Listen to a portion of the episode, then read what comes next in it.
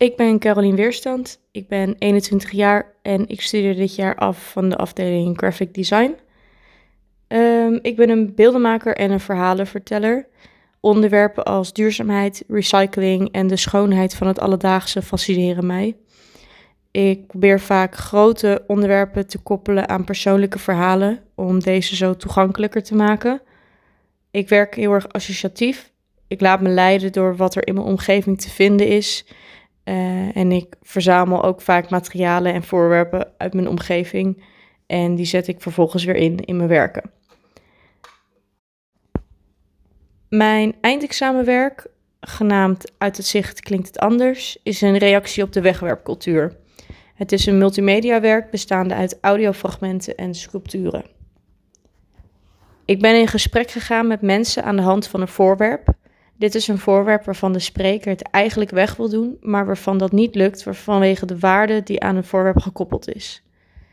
Ik vind het een heel mooi iets dat we bepaalde emoties kunnen neerleggen op een voorwerp. Dat een voorwerp dat specifieke gevoel draagt. Op basis van de verhalen en emoties die de spreker aan het voorwerp heeft gekoppeld, ben ik sculpturen gaan maken. Eer betonen aan de waarde die iemand kan geven aan een voorwerp dat voor een ander waardeloos is. De sculpturen zijn allemaal gemaakt van materiaal dat weggegooid is geweest. Het geeft me een fijn gevoel dat ik iets dat weggegooid is een tweede leven kan bieden. Door er sculpturen van te maken geef ik nieuwe waarde aan het afval. Ik werk vaak vanuit een vooraf opgebouwde verzameling.